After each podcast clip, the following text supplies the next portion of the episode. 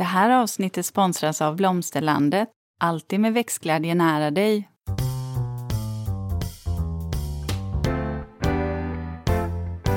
Välkommen till Ulrika och Lindas trädgårdspodd och det är jag som är Linda Kjellén, trädgårdsmästare. Och det är jag som är Ulrika Levin, trädgårdsdesigner. Och nu Linda, ska vi faktiskt prata om ett ämne som både du och jag är nyfikna på och våra lyssnare, för det här är ett ämne som vi har fått en förfrågan om eh, att prata om. För vi ska nämligen prata om skogsträdgård och vad det innebär. Jag, jag vet inte. Nej, Nej. nej. Jag kan lite, men eh, jag känner att eh, där är min kunskap begränsad också faktiskt. Eh, men du Linda, eh, var sitter vi nu? Kan inte du bara ge en beskrivning? För vi är fortfarande på vår poddresa. Det här är ju eh, egentligen den sista dagen som vi är ute och far i Dalarna. Så här är vi fortfarande kvar. Vi är fortfarande kvar i Dalarna. Men hur ser landskapet ut? Ja, men vi sitter ju jag skulle nog säga att vi sitter i ett landskap som är, eh, det är inte, särskilt, det är inte så öppet, eh, men det är höga, det är liksom kullar, det är ehm, eh, slingrande vägar på de här kullarna. Man kommer ut till eh, över åar, eh, mycket grönska och just nu sitter vi ju på en plats där vi snarare är gäster i, eh, i, i naturen än att naturen är gäst hos oss. Eh, eh här sitter vi i ett väldigt charmigt hus eh, eh, som eh, får vara precis som huset eh, och trädgården hade varit om kanske inte man hade haft en mänsklig hand som hade hållit på och styrt. Mm. För vi, vi är ju eh, eh, i Stjärnsund eh, hos dig, Filip Weiss. Ja, ja. precis. Så välkommen! tack så mycket. För du är ju civilingenjör från början, eh, men också permakulturdesigner. Du äger ju en egen skogsträdgård på ja, cirka en och en halv hektar, tror jag vi kom fram till. Och sen har du ju faktiskt också eh, skrivit boken Skogsträdgården. Mm, Där. precis. Ja, så, så jag tänker så här, du om någon är ju expert på området. Ja, får se vad jag kan, om jag kan komma med några svar. Det, du, det tror jag absolut att du kan.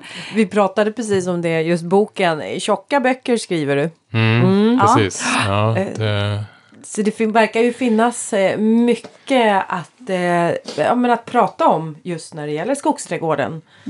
Även om jag kan tänka, och i min värld, att den är den mest naturliga delen utav odlingen och därför vad, vad finns det att, att säga om den. Men så att det här ska bli jättespännande. Ja, jag har faktiskt aldrig... Jag har aldrig designat en skogsträdgård eh, utifrån den definitionen. Och det här tänker jag be dig sen Filip, alltså definiera så att vi verkligen förstår vad en skogsträdgård innebär.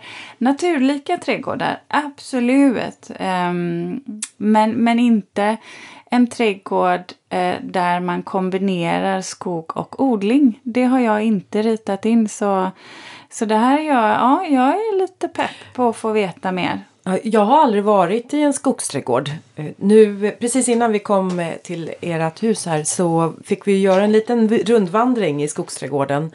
Och jag förstår ju att det är ju en plats som ändå är anlagd. Eh, även om inte den är tillrättalagd så är det ändå man har planterat, ni har planterat in träd och ni gör vissa förändringar. Granar kanske eh, minskas ner av antal och sen sätter ni in mer lövträd i den här odlingen. Så att det, det, det är där trädgård kommer in. Är det trädgård som handlar om att man är där och skapar? Mm, Ska vi definiera, Ja, Filip? ska, vi vi, ska definierar. vi köra? Vad, vad är en skogsträdgård? Är det samma sak som agroforestry till exempel? Och vad är agriforestry?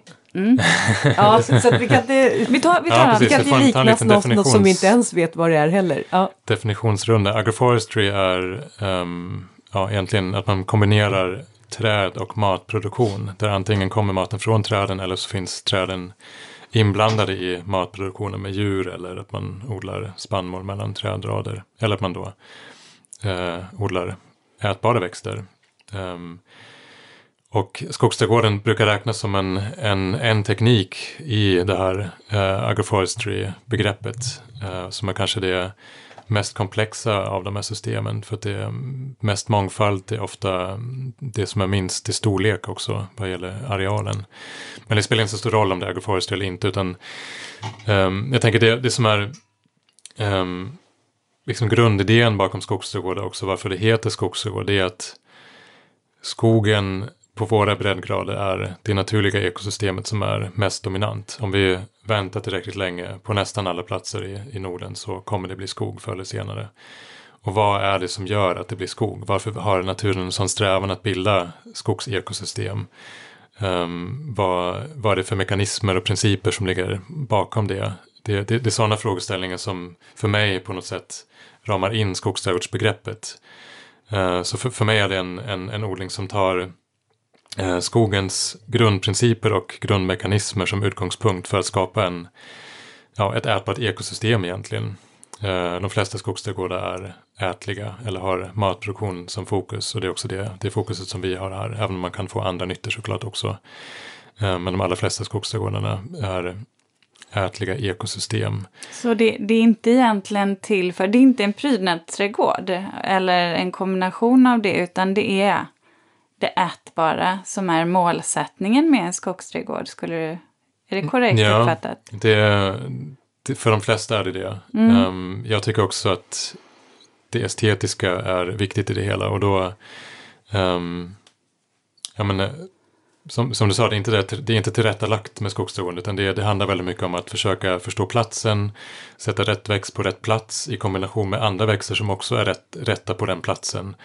Uh, och sen lägga så många av um, de arbetena som vi har i en vanlig odling på naturen. Det finns ju olika varelser uh, som, som gör de jobben. Rensa ogräs, vattna, se till att det blir bördigt och så vidare. Mm. Som det sker, allt det sker naturligt i skogen. Och, och vad kan vi liksom plocka hem från skogens ekosystem och naturliga ekosystem generellt i våra odlingar. Det som redan har uppfunnits av naturen det har alltså? Precis, och naturen har ju ganska många miljoner år på, haft på sig att, att utveckla de här ja. sakerna. Och ju, ju, mer av vårt arbete som vi kan lägga på naturliga processer desto mindre jobb blir det. Och, och för mig blir det sen också en, för mig blir det väldigt vackert och jag förstår om inte alla håller med om det här när det är ganska vildväxt och sånt.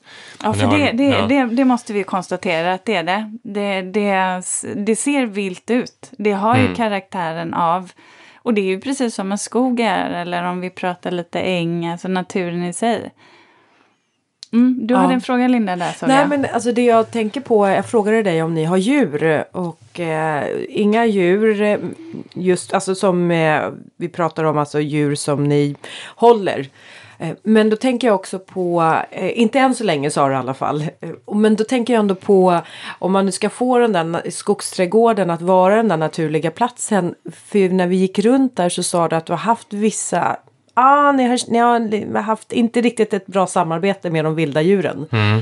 Eh, men är inte de en viktig del i en skogsträdgård ändå? Så att, mm. Eller hur hanterar man de vilda djuren? Jag har precis haft besök av vildsvin ja, och jag blev inte glad. jag blev ledsen. Eh, men hur hanterar ni de vilda djuren? För att nyttodjur vill man ju ha in men... Mm, exakt, precis. Det, um, i, I den bästa världen så skulle det vara så att vi verkligen kan samarbeta med hela naturen. Men naturen på den här platsen i södra Dalarna är dels ganska ur balans. Det saknas rovdjur, det saknas viktiga pusselbitar i ekologin. Mm. Och sen är det ju mest gran, tall, björk, asp och sälj som växer naturligt här. Um, och den, de för med sig en viss, ja, liksom en, viss flora och fauna uh, i övrigt. Och Um, när vi då planterar massa rosväxter, bland annat, alltså äpplen, päron, plommon och alla med bärbuskarna och sånt, så är det som att vi dukar fram ett godisbord mm, för precis. de här djuren som är vana vid den här svält, svältfödan. Liksom. Uh! Så det, ju mer vi planterade här när vi började för, för 11 år sedan i den stora skogsträdgården, um, desto mer djur attraherade vi som inte var välkomna egentligen, eller var ju välkomna till början när de inte gjorde så mycket skada. Men det blev mer och mer rådjur, eh, mer och mer älgar som kom och knäckte ganska väletablerade trädskronor bara, knäckte ja. av dem. Och, det kom harar och ringbarkade. Och, För ehm, sen jag har ju snö också, eh, Ja, gissar jag här, ja, vilket precis. gör att det, då, kan man ju lägga på några eh, decimetrar i, på höjden där Ja. på marknivån, vilket gör att man kan få ännu större skador just på vedartade. Ja, precis, växter. Precis. Och det, Så det, det som vi gjorde i slutändan för att, alltså vi vill jobba med naturen, de naturliga processerna, men det är också att in, inse att, ehm, att förstå den här dynamiken, vad händer när man sätter ut en massa sådana här kulturväxter i, i ett landskap som det här. Mm. Då, då får man problem med skadegörare. Var, Eh, var ni och- beredda på det? Nej, det var vi, eller ja, vi, alltså folk hade varnat oss på något sätt och vi hade liksom lite hönsnät runt plantorna i början och det gick ganska bra de första tre, fyra åren. Men sen var det just att, att det här betestrycket ökade, de lär sig ju var, var finns det godaste och då kom det, det var 14 rådjur någon gång på den där lilla ytan. Och mitt i sommaren och betade ner alla årskott, alla gröna bär, allting bara försvann liksom på en, ja, en förmiddag när de höll på där. Och det var då vi bestämde att vi ska hänga in det här. Och sen dess har ju biomassan exploderat, alltså volymen på på den här skogsträdgården har flerdubblats på de här tre åren som det varit inhägnat. Eh, För att det inte försvinner massa. Alltså det, det, det är logiskt att försvinner det mesta av årstillväxten under vintern, framförallt i mars. Det är klart att de inte kan satsa lika mycket på nytillväxt nästkommande säsong. Men vad tror du då? Kan ni öppna upp för de vilda djuren när då skogen har etablerat sig och blivit kraftiga, stora? Låt säga om 25 år. Ja, men det, det tror jag att vi skulle kunna göra. Sen är frågan om vi vill göra det Ja. då. Man kommer ändå behöva dela med sig av en del av skörden. Eh, Men sen är det, det är fortfarande så att räven kommer in. Det är mycket fåglar som hjälper oss. Ugglor som har häckat till och med i skogsträdgården. Slaguggla som, som jagade sork. Och, eh, så att det är egentligen harar, älg och rådjur som inte kommer in. Och vildsvin har inte kommit just precis hit men de börjar närma sig. Så vi får se hur det går med dem när de börjar. Nej, för jag tänker det här att när man pratar om det här biologisk balans så måste man ju alltid komma ihåg att eh, det finns ju alltid rovdjur, rovinsekter, alltså skadedjur. Den där balansen för vem? Kan man ju eh, fråga. Det, är ju, det är ju, går ju också i cykler eh, och påverkar varandra. Så att, eh, att bara bjuda in Eh, det, det tror jag inte ens, jag menar en, en hare skulle ju inte gärna bjuda in räven. Nej. Men du, du kanske har varit inne på det, men målsättningen med en skogsträdgård? Ja, det, det är olika för olika skogsträdgårdsodlare. Um, men, men generellt skulle jag säga att målsättningen är att få bra mat av bra kvalitet i en optimal mängd. Eh, det är ingen maximering som det handlar om, utan det handlar mer om att ja, men, laga mycket på ett sätt som inte kräver så mycket um, arbetsinsatser från oss egentligen. Det är väl en långsiktig målsättning. Att det, det, det största arbetet som jag ser framför mig, också som egentligen som vi har nu, det är att nu är det att klippa tillbaka buskarna och träden lite grann um, och, och sen att skörda när det väl är etablerat. Uh, så att skörden är den stora insatsen. Så att jobba lagom lite och få lagom mycket skörd. Och sen kan man ju förstås öka skörden genom högre arbetsinsats, men det är alltid en avvägning. Hur Vad är det ni skördar och vad är ni självförsörjande på? Hur ofta åker ni och handlar eller hur ofta åker ni och skördar i er egen trädgård? Ja, ehm, gröna blad behöver vi inte köpa. Det, det får vi själva. Sen odlar vi ganska mycket ettåriga grönsaker också. Jag ser dem som komplement, de här två oli- olika odlingssystemen. Eh, gröna blad odlar vi inte så mycket ettåriga. Det, det får vi av skogsträdgården hur mycket som helst. Mycket mer än vad vi någonsin kan äta. Bara här runt huset räcker liksom för familjens behov. Kan inte du berätta vilka, när du säger gröna blad, Mm. för jag tror att de flesta skulle liksom referera till eh, sallad, rucola, spenat, men nu Mm. pratar ju du fleråriga växter. Ja, precis. Då kan vi ta Vad är- ja, vad är vild, rucola kan vi, kan vi ta den när du Ja. nämnde rucola här. Eh, sandsenap heter den egentligen.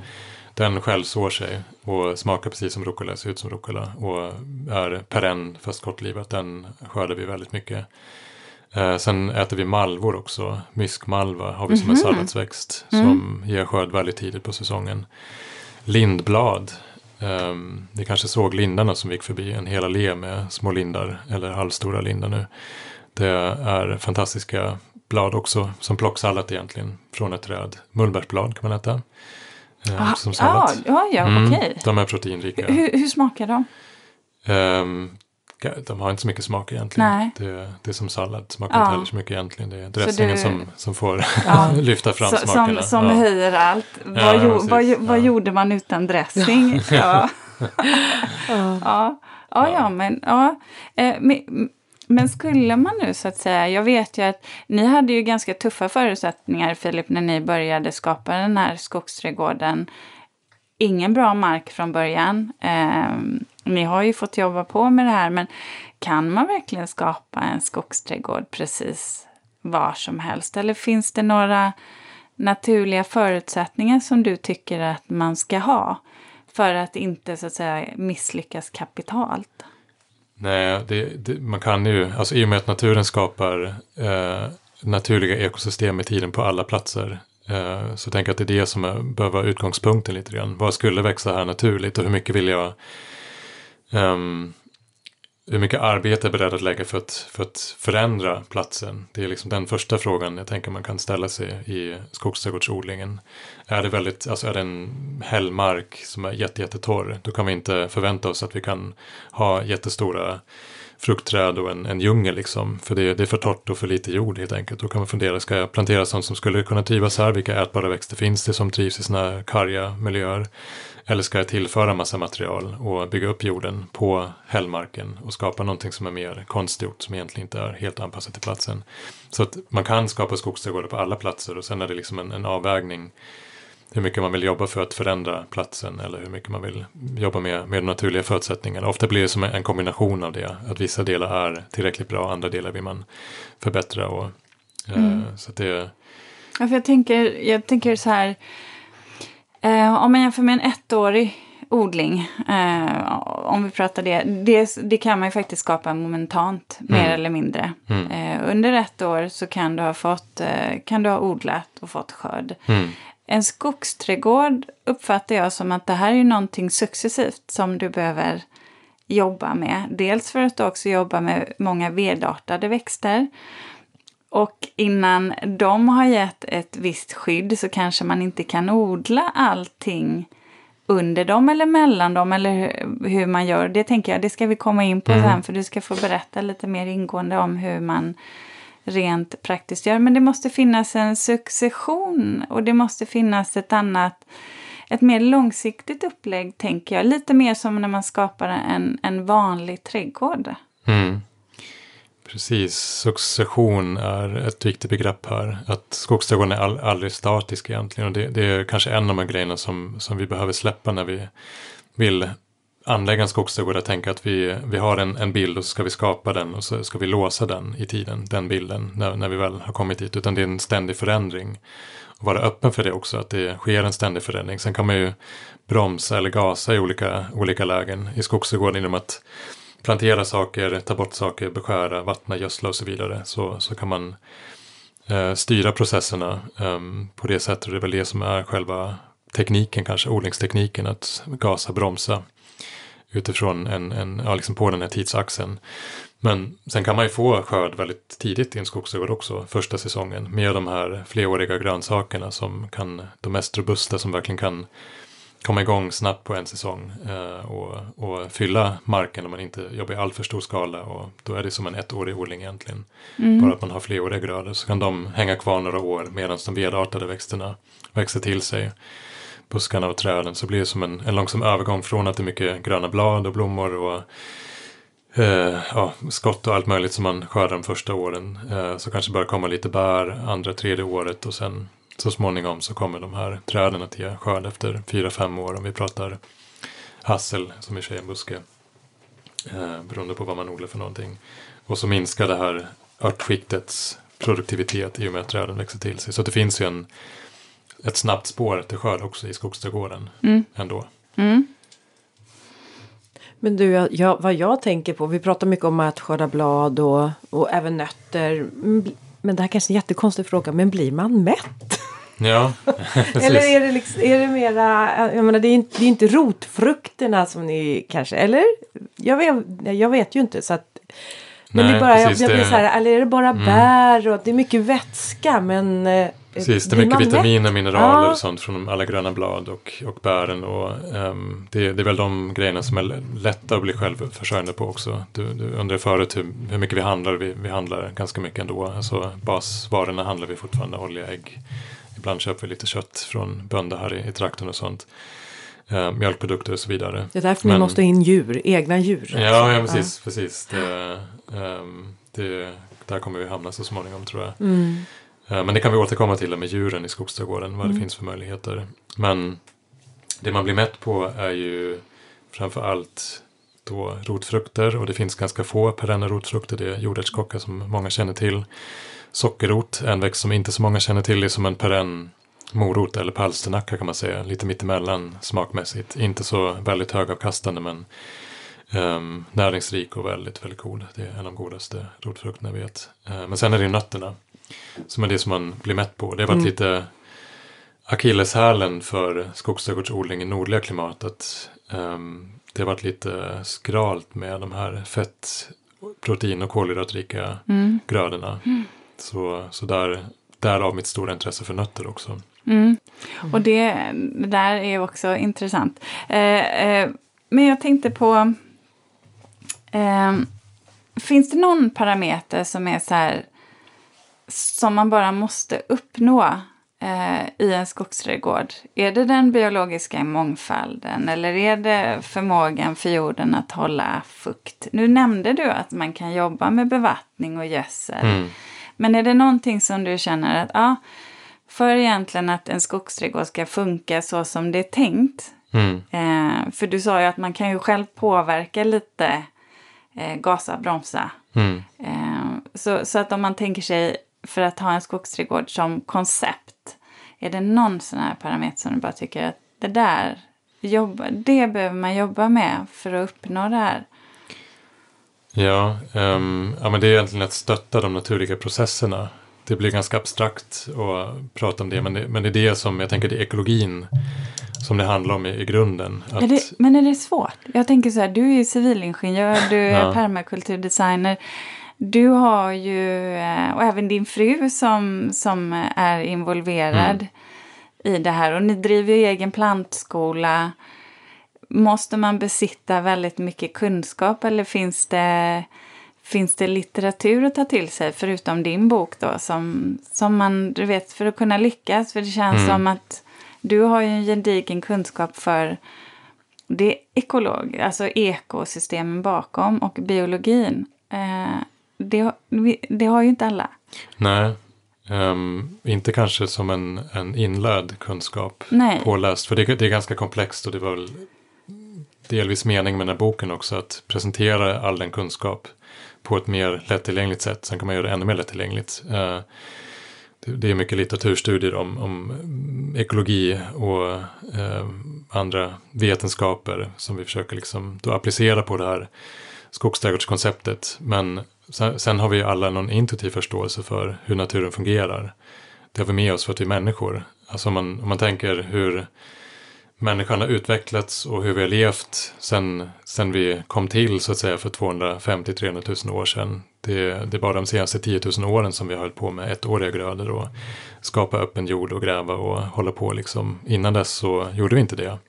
Och då, då lärde jag mig i skolan att vi var jägare och samlare och på något sätt gick man lite, var lite så halvvilsen i landskapet hoppades på att det skulle ramla ner lite mat från någonstans från himlen eller man, att man stöter på något djur men det, det kändes som det var lite för att diskreditera den, det levnadssättet och på något sätt lyfta vårt eh, jordbrukssamhälle lite mer. Eh, att det är så himla smart att odla ettåriga grödor. Medan det i, eh, nu har jag lärt mig på senare år när jag läst ganska mycket olika sådana här antropologiska och etnologiska studier att egentligen var, var vi ju väldigt aktiva medskapare i landskapet innan vi började odla ettåriga grödor. Det var inte så att vi bara gled runt och hoppades på olika saker, utan vi var faktiskt med och brände ner eh, ja, skogar och skogsbryn för att gynna vissa arter. Till exempel i Nordamerika så eh, använder man eld för att främja amerikanska blåbär, de här superstora blåbären som etablerar sig efter en brand till exempel. Um, där var man med och skapade ekosystemen. Man gallrade fram nötträden i skogarna. Man planterade nötträd aktivt. Även de här nomaderna hade med sig utsäde och planterade pekanträd till exempel vid sina lägerplatser så att det skulle finnas där till kommande generationer. Så vi var ju väldigt aktiva. Och när jag läser om de här studierna och slutsatser man drar från det så tänker man det här är skogsträdgårdsodling vi har ägnat oss åt. Och det märker jag också när jag håller kurser och pratar med folk som har kommit in i det här med skogsodling att det känns väldigt, väldigt naturligt för de flesta. att tänka så. Att vi är aktiva delar i landskapet och gör små insatser, välvalda små insatser och så får vi tillbaka skörd och vi skapar förutsättningar för en förbättrad biologisk mångfald jämfört med vad, vad vi hade innan med, med de här monokulturerna. Kan en skogsträdgård vara hur liten som helst då? Alltså jag tänker så här. Nu bor ju ni på landet, ni har egen mark. Linda, du bor ju också på landet nu för tiden med väldigt mycket mark. Jag bor mitt inne i stan. Mm. 692 kvadratmeter tomt, eh, där jag också har ett hus. Så jag menar, eh, jag förstår ju att man kan kanske använda principen på en del av sin trädgård men även om eh, man kanske inte kan kalla det för en skogsträdgård då. Men eh, för mig låter det som att det behöver finnas en viss eh, volym ändå, en viss areal för att kunna skapa de här förutsättningarna.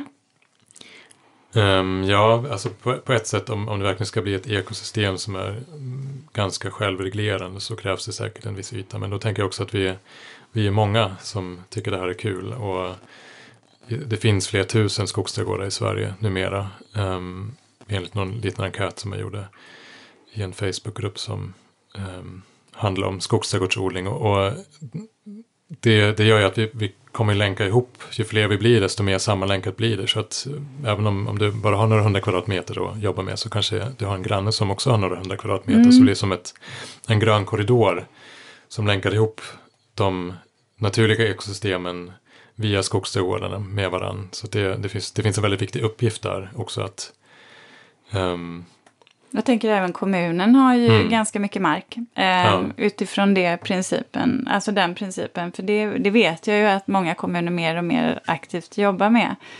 Att använda sina gröna eh, miljön, miljöer för att främja både den biologiska mångfalden men också för att hantera eh, klimatrelaterade händelser som där... översvämningar och temperaturer men, men det här leder ju också in till den frågan att om man då vill skapa en skogsträdgård i sin egen trädgård.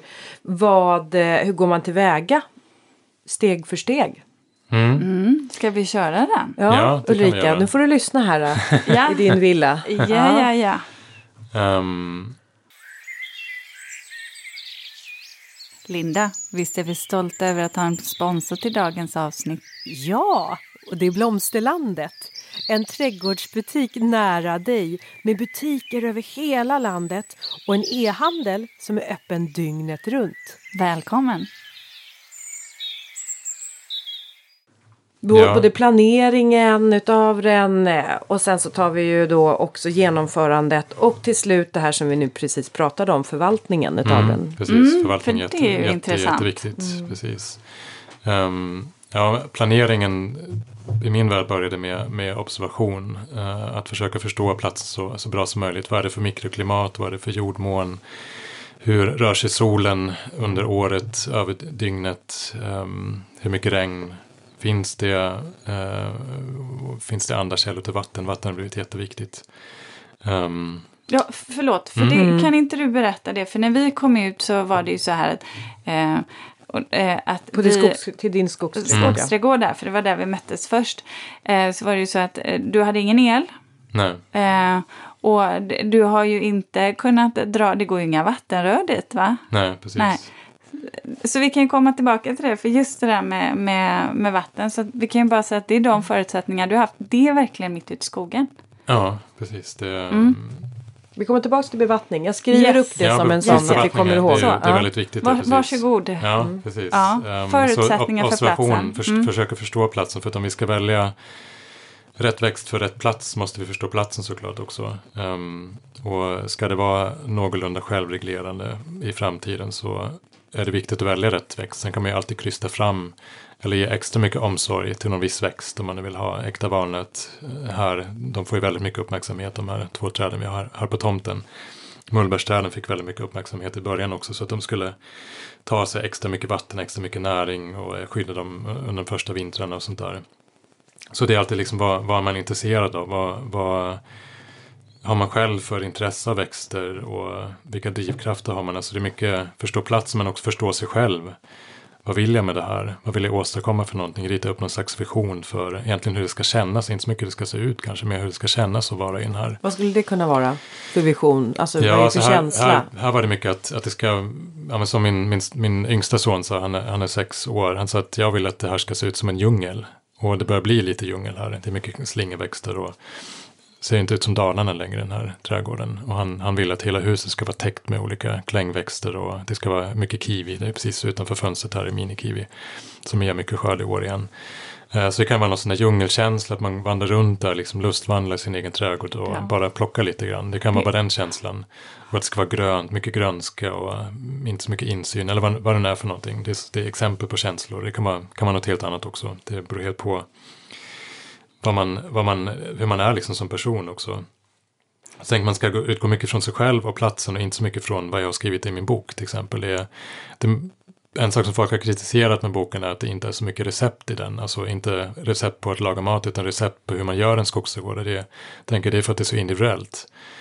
Um, då vill jag inte ha med, gör så här liksom från A till Ö utan mer försök läsa landskapet, försök förstå det själv och sen kan du liksom med växtkunskap Man, man får göra jobbet själv menar du helt enkelt? Ja, men lite så. Lite så. Sen är det klart man kan liksom skapa samplanteringar utifrån någon ritning någonstans. Det, det går ju också bra. Det är kanske en bra ingång om man, man känner att man har dåligt självförtroende. Men jag tror att det, det blir mer långlivat om, om man tänker själv och känner efter själv.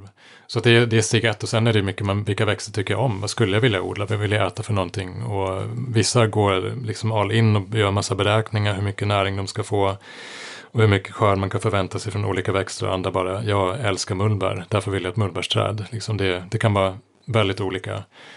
Um, och sen bör man fundera på, okay, om jag vill, nu vill ha de här växterna, hur behöver jag, vad behöver jag ge dem för uppmärksamhet? Hur behöver jag förändra platsen för att de ska kunna trivas? Om det är så att de inte är 100% rätt, och det är sällan det är 100% rätt. Uh, det är väldigt ofta vi behöver göra någon, någon sorts anpassning.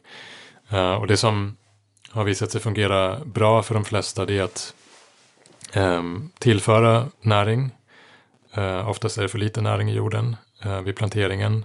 Att täcka jorden med någon slags ogräsbarriär, helst någon som bryts ner, alltså kartong eller papp eller tidningar eller något, något köpt material. kan man köpa sådana fårulls ehm, mattor som man kan, kan lägga ut och kväva ogräs med och sen täcka det med något annat material för att tynga ner. Så att man kan hålla kvar fukten i, i marken för att ta, hålla borta ogräsen. Då tar sig träden och buskarna bättre. Det kan jag säga, så just det med fårull. Eh, våra barn, vi, vi hängde ju mycket uppe hos eh, Mandelmans när vi var små.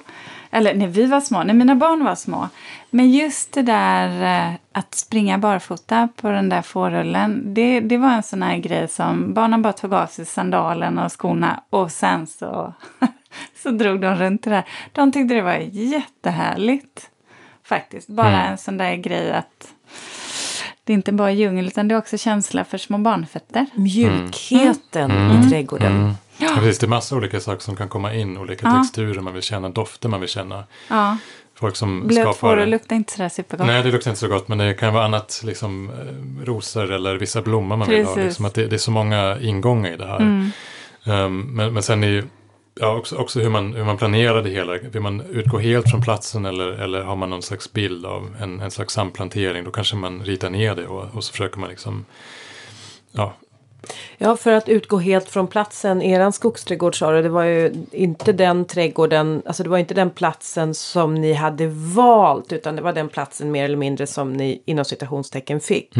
Mm, Och du sa att det var mycket gran och där behövde ni då behöver byta ut eh, Ja, i alla precis. fall Delar var det granplantering och, och resten var vall. Ehm, och då var det de förutsättningar vi hade och då blev det ganska mycket mer jobb för att göra den Kan platsen. inte du förklara vall? För jag tror faktiskt inte alla ja, vet det, vad vall är. ja, gräs. Gräs Ja. som man odlar som foder då.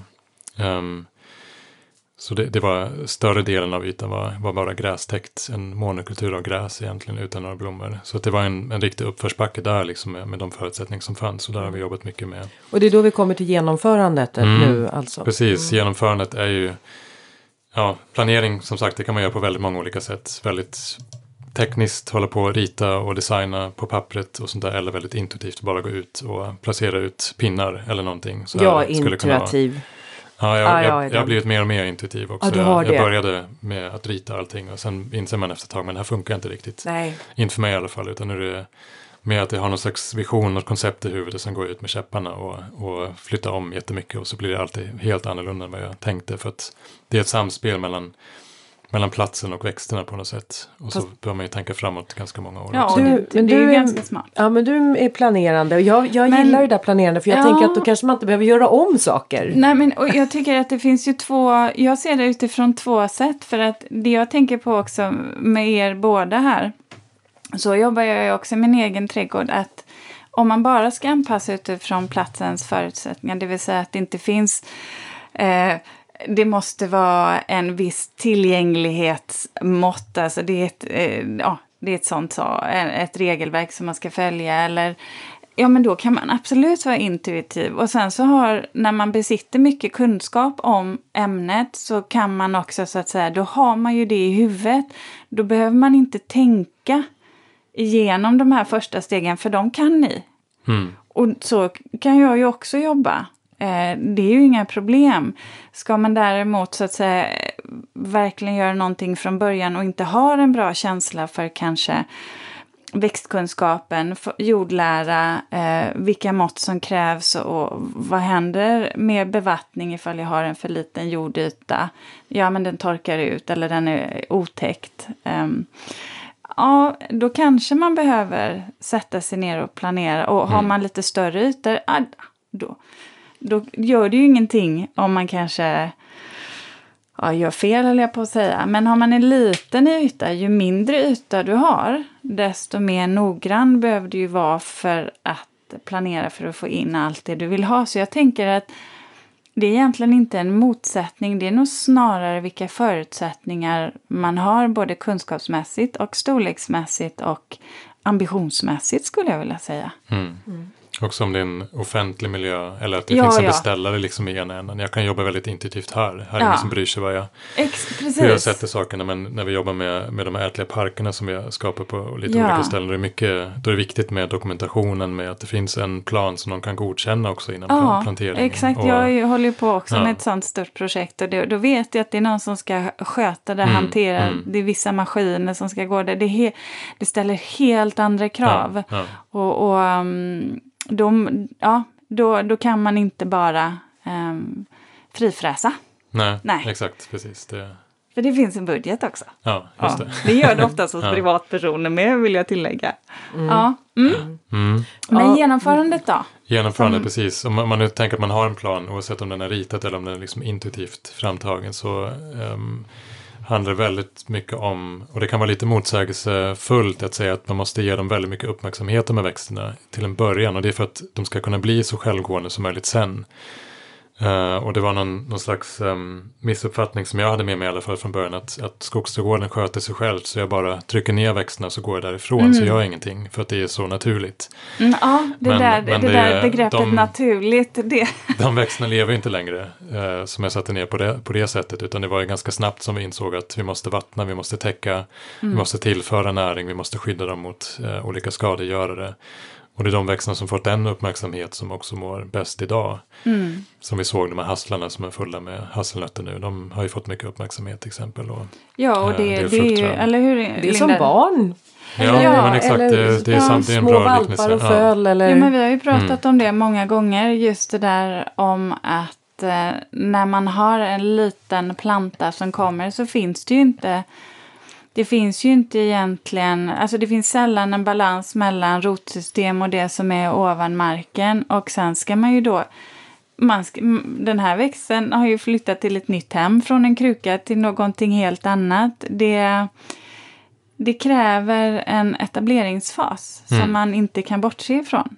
Nej. Mm. Och det finns många studier på som visar också hur mycket det gör för liksom, livslängden på växterna och Mm. deras utveckling senare om man, om man ger dem en bra etablering. Och då är, då är vattning, när vi är tillbaka, det är ju, ja, eller skydd är nummer ett på ett, alltså blir de uppätna så är de, är de ju döda. Um, men sen är det vattning är, är nummer två. Uh, de kan överleva utan vattning men det blir en sån skillnad om man kan ge dem mycket vatten de första två säsongerna. Då kan de bygga upp ett, liksom en, en bra stomme helt enkelt och bygga upp rotsystem som sen kan klara långvarig torka. Det har vi verkligen märkt en, en enorm effekt av under 2018 när det var otroligt varmt och torrt och dammarna var nästan helt uttorkade. Det var inga problem för de här etablerade växterna. De var lika gröna som vanligt och växte nästan lika mycket som vanligt. Så eh, etableringsvattning är enormt viktigt. Och då, Och vad är etableringen? Tre år? Ja, det, det beror på det, liksom hur stora obalansen när, när vi köper växten. Om vi köper stora plantor som vi gör i de här parkerna då har vi satt ner sex meter höga valnötsträd. De kanske behöver fem års etablering. Fem års vattning och täckning och mm. omsorg. Medan små plantor som vi har drivit upp från frö som har, är någorlunda i balans vad gäller rotsystem och eh, de ovanjordiska delarna kanske bara en säsong.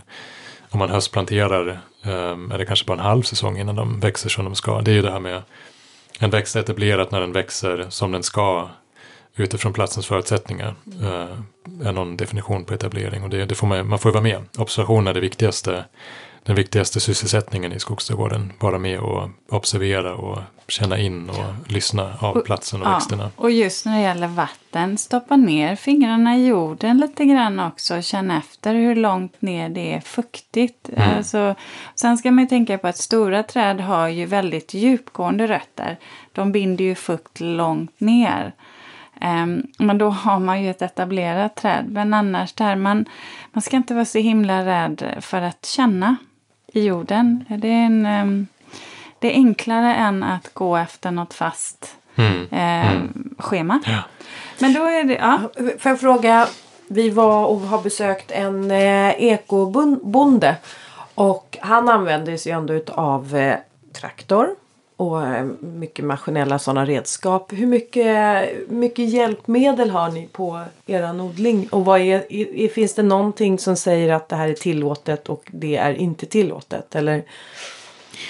Bra fråga. Ja, nej Mm. alltså jag är inte så dogmatisk av mig så att jag skulle inte säga att det är något som, som inte är tillåtet. Sen är det ju ganska dumt att använda kemikalier och konstgödning och sånt för då förstör man ju ekosystemen. men, det, liksom. det, men jag tänker mer så här redskapsmässigt. Redskapsmässigt, Du, ja. du, förlåt, nu måste jag bara säga. Du tänker att man går tillbaka, back to basics. Ja. Här är det inga eh, liksom maskindrivna, dieseldrivna Exakt. eh, verktyg. Kanske el, men det har ni ju inte. Nej. Nej, nej men det är därav att, ja. Nej, Och vatten Men- ni ha självtryck på. Men tänk, Ja, ja, precis. Vi, vi har en, en liten solelsdriven pump som... Du undrar lite hur långt ska man dra det egentligen? Ja. Alltså Ja, är det någon eh, typ antroposo... Antroposofiskt. Ja, det, ja, det är de där. Ja.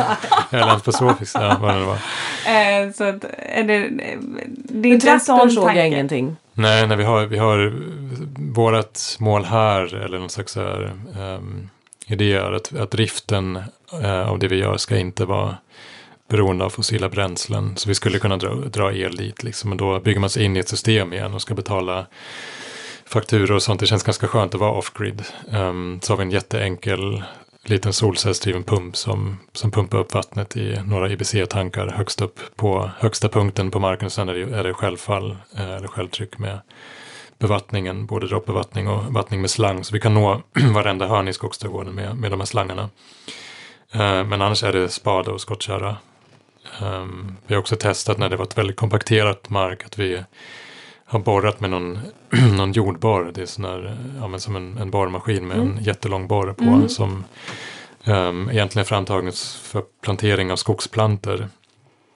Eh, och det har vi använt som en alvluckrare. Luckra. Ja, så den går ner det sex- fungerar? 60 centimeter. Ja, jag vet inte riktigt om det blir någon skillnad men vet man ju aldrig. Men det blir lucket i alla fall. Man kan ta sig igenom den här plogsulan, den här kompakterade, det kompakterade skiktet Ja, men på gammal om, åkermark. ja. Men annars är det det är klart det är massa transporter för att få hit växterna och, och allt det där. Det är mycket fossila bränslen. Um, det som vi köper in men, men sen är det ju men du pratade om att när ni eran skog fäller träd så har ni, använder ni häst och vagn. Mm. ja, och motorsåg. Ja, Eh, motorsåg såg jag ändå- faktiskt att Ja, det var ja, två stycken som precis. låg. Så de, Ja. de lös lite där tyckte jag. Just det, Mm. ja Ja. precis. Det, Ja, men jag förstår.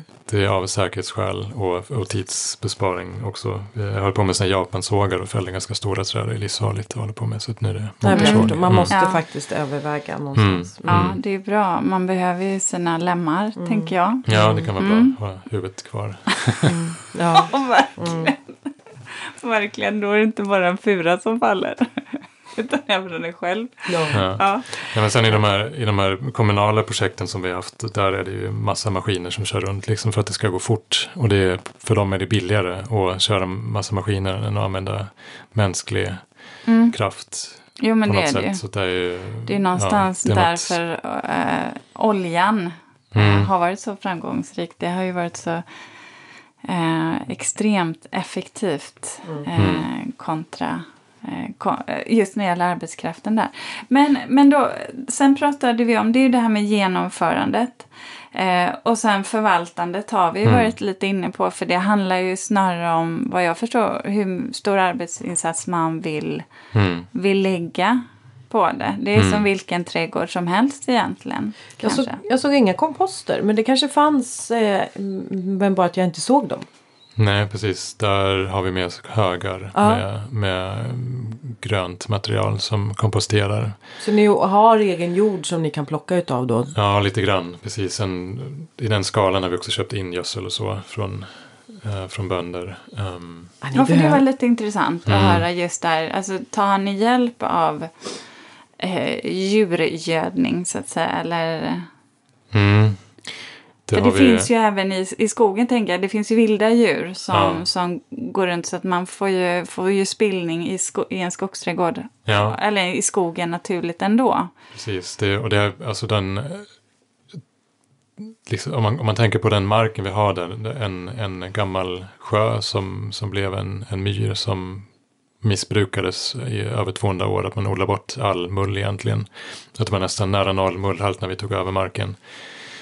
Ren lera. Ehm, då för att träd ska trivas där så krävs det mycket högre mullhalt. Så det, det är det som gödslet har varit till för egentligen. Eh, det organiska materialet som vi har fört in. Men sen ska ju det gå, gå runt liksom av sig självt. Så vi, vi sprider urin faktiskt från komposttoaletterna på våren. För att tillföra lite kväve i systemet. Och annars är det mycket att vi slår av en del av vegetationen och lägger det som grönt på, på marken bara. Rakt på. Så att det är bara under etableringen som vi tillför näring utifrån egentligen. Och då har vi använt biokol och använt eh, hästgödsel, kogödsel. Eh, också helt vanlig rosjord när vi inte fick tag på gödsel. Det är, ja, som du sa i början, det är inte, inget öppet landskap här. Så det är lite ont om eh, gödsel. Eh, och framförallt ekologiskt gödsel har varit, varit svårt att få tag på emellanåt. Um, så att under liksom, liksom själva, vad ska jag säga, underhållsskötselfasen som vi är inne på i de för det mesta i skogsträdgården nu. Um, där är det egentligen bara urin som vi tillför i måttliga mängder uh, fram till början på juli ungefär på utvalda växter för att ge dem lite extra skjuts. Uh, och sen lite stödvattning ibland om det är extremt torrt för vissa växter som ska få lite extra uppmärksamhet. Annars är det här att, att vara med och se sig som en del av det här ekosystemet som det har blivit och, och försöka liksom Ja men det, det är så mycket som händer hela tiden. Varje år växer saker till. Det har börjat bli komma in själv, ganska mycket självsådda växter som där man får liksom välja, vill jag ha kvar den här hassebusken som, som är ett barn till våra hassebuskar eller vill jag ha kvar den här sällin eller ska den få växa några år? Det är många sådana beslut som är ganska långsiktiga eller, eller väldigt kortsiktiga också. Mm. Men det är, egentligen är det sekatören och lien för att hålla de här gångarna öppen som, som är de viktigaste redskapen och en såg ibland för att ta bort lite större grenar och sånt. Ja, jag tänkte att vi ska ge våra lyssnare lite tips också på, på bra växter som du tycker man ska ha i en skogsträdgård. Men innan dess så skulle jag eh, vilja att du beskrev det här begreppet som du nämner i boken. Acceleratorväxter. Mm. Vad, vad är det för någonting? Ja, det är ett begrepp som vi har myntat själva. um, som handlar om växter som på något sätt snabbar på de här naturliga processerna. Omsättningen, omsättningshastigheten egentligen av näringsämnena i uh, skogsträdgården. Med inspiration från vilka växter det är naturligt som sätter fart på ekosystem. Vilka är det som gör att det plötsligt blir väldigt mycket biomassa. När man, man kan se det ibland när man åker runt i landskapet där det har växt igen. Eh, att det plötsligt blir som att, att systemet kommer över en tröskel. Från att det stått och stampat, all, alla växter lika höga och det händer inte så mycket. Så plötsligt bara exploderar det. Och vad är det som har gjort det? Um, och ofta är det växter i kombination med svampar. Som, eh, alltså marklevande svampar såna, som lever i symbios med plantorna. Som på något sätt har ja, men, fört ekosystemet över den här tröskeln. Så att det plötsligt kan öka sin omsättningshastighet och produk- produktiviteten. Eh, och då var det mycket litteraturstudier som vi höll på med för att hitta de här växterna som är bäst på att göra det. Och det är framförallt träd men också en del buskar och några örter. Vilka är topp tre då? Uh, vallört, steril vallört, en uh, hybrid, uppländsk vallört kallas det. Uh, finns sterila sorter som heter Bocking 14 och 4, de är enormt produktiva. Um, skapar väldigt mycket grönmassa. Uh, kan ackumulera mineraler från djupare jordlager som de uh, lagrar i bladen och slår man av det och lägger det på markytan så får mikrolivet i jorden ta hand om de mineralerna och de blir mer tillgängliga. Vad är det med det sterila? Att de inte frösar de frön, sig? Ja, precis. Annars kör man bara vallört efter ett tag. Så att de, mm. de håller sig till, till, till en plats. Mm. Eh, sen är det, är det lind och lönn tycker jag är fantastiska växter. Eh, och sälj eh, är otroligt bra acceleratorväxter. Säljen för att den um, har visat sig kunna stimulera andra växter till mer tillväxt och kan bygga upp den här svampfloran i marken. Uh, som ja, det händer mycket saker i marken märker vi också. Att det börjar komma upp sådana här mykorrhizasvampar. Eh, alltså björksopp och aspsopp och sånt börjar komma upp i det som jag upplever som fortfarande grästäckt. Men det innebär ju att det finns trädrötter i marken om de ska komma. Så det händer mycket saker i marken också. Jag vet att när jag tar sticklingar så brukar jag eh, ta och stoppa ner dem i ett vatten. Om jag nu tar till exempel enkelt en pelargonstickling, palettbladstickling. För att det verkligen ska öka på chanserna för rotning så brukar jag sätta ner lite sticklingar eller lite kvistar utav just sälj. Mm. För att det är rikt på rotningshormon. Mm. Kan det vara därför som att den det, det stimulerar kan, precis, andra växter att ja, woho, nu gäller det att börja rota sig. Det kan, kan vara något sånt. Jag vet faktiskt inte vilka ämnen som är inblandade Nej. i det. Um, Mm. Och där med, med lind och lönn, de är också bra att ackumulera vissa ämnen. De kan, de kan liksom känna av vad det är som saknas här i det översta markskiktet där allt liv finns egentligen, i de översta tre decimetrarna. Vad saknas här för näringsämnen och det brukar ofta vara kalium eh, och kalcium som, som det kan vara brist på här uppe i alla fall. Det är lite surare jordar och då kan de pumpa upp det från djupare jordlager, få hjälp av svampar och bakterier för att bryta de här mineralerna lagrar dem i bladen, släpper bladen på hösten och så plötsligt ligger de här mineralerna som var liksom djupt bundna i, i marken, ligger plötsligt på ytan. Mm. Som stimulerar dagmaskar att gräva och förmultna och Gud, hålla på. Och det kan skapa en dynamik och det ser vi nu efter tio år eh, att den dynamiken börjar hända nu. Att det växer mycket fortare än vad det har, har, gjort tidigare. Så då kan man hålla lite koll på om man får svampar i sina rabatter eller i sin trädgård att kika lite på vad det är för typ av svamp. För då kanske det har någonting som, som det har någonting att göra med det som händer under mark. Mm. Mm. Precis. Intressant, för annars tror jag att många bara plockar bort dem. Det är därför det växer så det knakar en massa kirskål hemma i, eh, på Åsby. ja. Därför att jag har stora lindar som skapar förutsättningarna för att det, Just det. Ja. Din lindalé. Men, men ja. eh, bra växter då Filip, ska vi avrunda med det? Mm. Bra växter som du tycker att ja, kör på det här. Eh, utifrån ditt perspektiv. Nu har du ändå hållit på några år. Ja, um, jag måste nämna hasselnöt. Det känns nästan trivialt men den är så fantastisk. Uh, näringstät, man kan pressa en olja ur nötterna som har samma kvalitet som olivolja. Den är lättodlad. Um, och sen mullbär med att det är både blad och bär och den här liksom exotiska känslan över som, som finns med mullbär. Att, God också, vi ja, fick ju smaka. Ja, de är mm. otroligt goda liksom. Mm. Det, det, är så lyxigt och och kommer tidigt på säsongen. ja, menar... mitten på juni i växthuset då. Nu, ja, i växthuset. Ja, i, ja, senast början på juli på Friland här. Så det, det, det är ett tidigt. väldigt tidigt bär. Mm. Ja, ett av de tidigaste. Och sen um, också apropå tidiga bär, blåbärstry som, som har blivit lite mm. hypat på senare år. Uh, de ger mer och mer skörd för varje år. Jättefina, mm. lättodlade, anspråkslösa, bara de inte står för torrt egentligen. Uh, de har vi skördat i slutet på maj som tidigast. Wow. Det har varit riktigt varma, varma vårar. Och sen minikiwi som är utanför ja, fönstret här. Jag ser, jag ser när jag tittar ut att det är några små minikiwisar som gömmer sig bakom under bladverket. Ja, de, det blir, och det, det älskar mina barn. De, de längtar liksom efter minikiwiskörden i början på augusti. Och det är också en sån där, kan man odla det i Sverige? Kan man odla kiwi ja, i Sverige? Vet det, du vad? Helt... det var lite det jag tänkte så här, både när vi kom hem till dig här nu och när vi gick runt. När du nämnde, du vet, du började prata minikiwi, aprikoser, mullbär och jag bara, äh, va? Det är lite zon 4-5. Aprikoser, ja. ja. ja. Eh, eh, Och för jag tänkte så här, då får du väl två stycken. Men det, så är det ju inte, utan du får en hel del. Ja, precis. Det är Mm. 60 aprikoser i år. Det är ganska unga träd, de är bara tre år gamla. Och Ja, det är ju flera, hundra, flera hundra mini-kiwisar. Då Mm. borde jag ju kunna odla det där hemma. Eller Ja. hur? Ja. Ja. Mm. Ja, ja, det finns många plantor, men de som jag tänker nu, det, det ändrar sig från år till år också lite grann. Men det, de, de är, är ändå alla ganska lättodlade och ger schysst känsla. Ja, och i, i, i din bok där så, så då, där finns det ju ganska många tips på växter. Ja, vet precis, jag, om man det- är intresserad av att veta lite mer.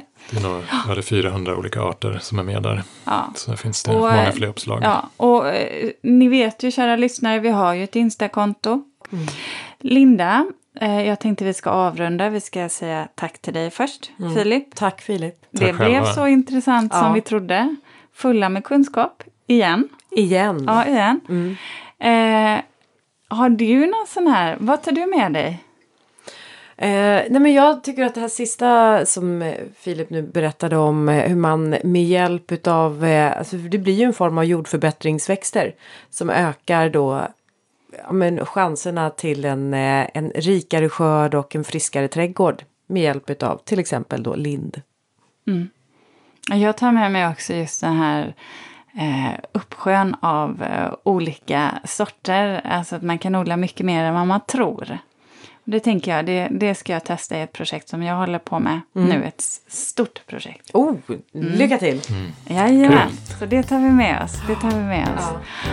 Hörni, tack för att ni har lyssnat den här veckan. Vi hörs igen nästa torsdag. Ja, det gör vi. Ha det bra, hej då! Hej då! Nej, det här var ju spännande. Ja, ja. Eh, jag, jag, jag har ju varit lite irriterad på all hassel som är bara...